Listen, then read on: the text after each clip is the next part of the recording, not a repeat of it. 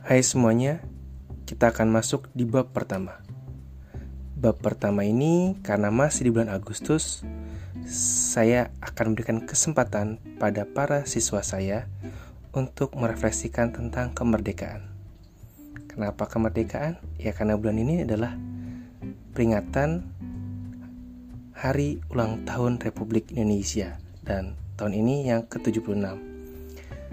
Kenapa hal itu menjadi penting? Karena kita perlu mengingat kembali momen-momen yang sudah kita lalui terkait dengan kemerdekaan ini, dengan dinamika yang terjadi di bangsa ini, serta perjuangan para pahlawan. Pada khususnya, saya mengajak mereka semua untuk melihat kembali apa yang mereka maknai tentang kemerdekaan itu, terutama di masa pandemi ini.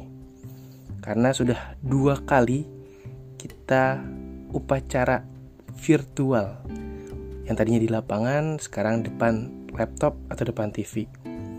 Segala dinamika terjadi secara baru, banyak hal yang tadinya terbatas dan juga banyak hal yang semakin terbuka dalam beberapa konteks tertentu.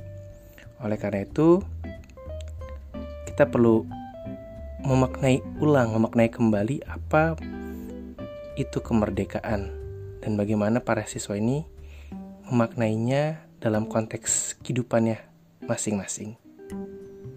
Selamat mendengarkan.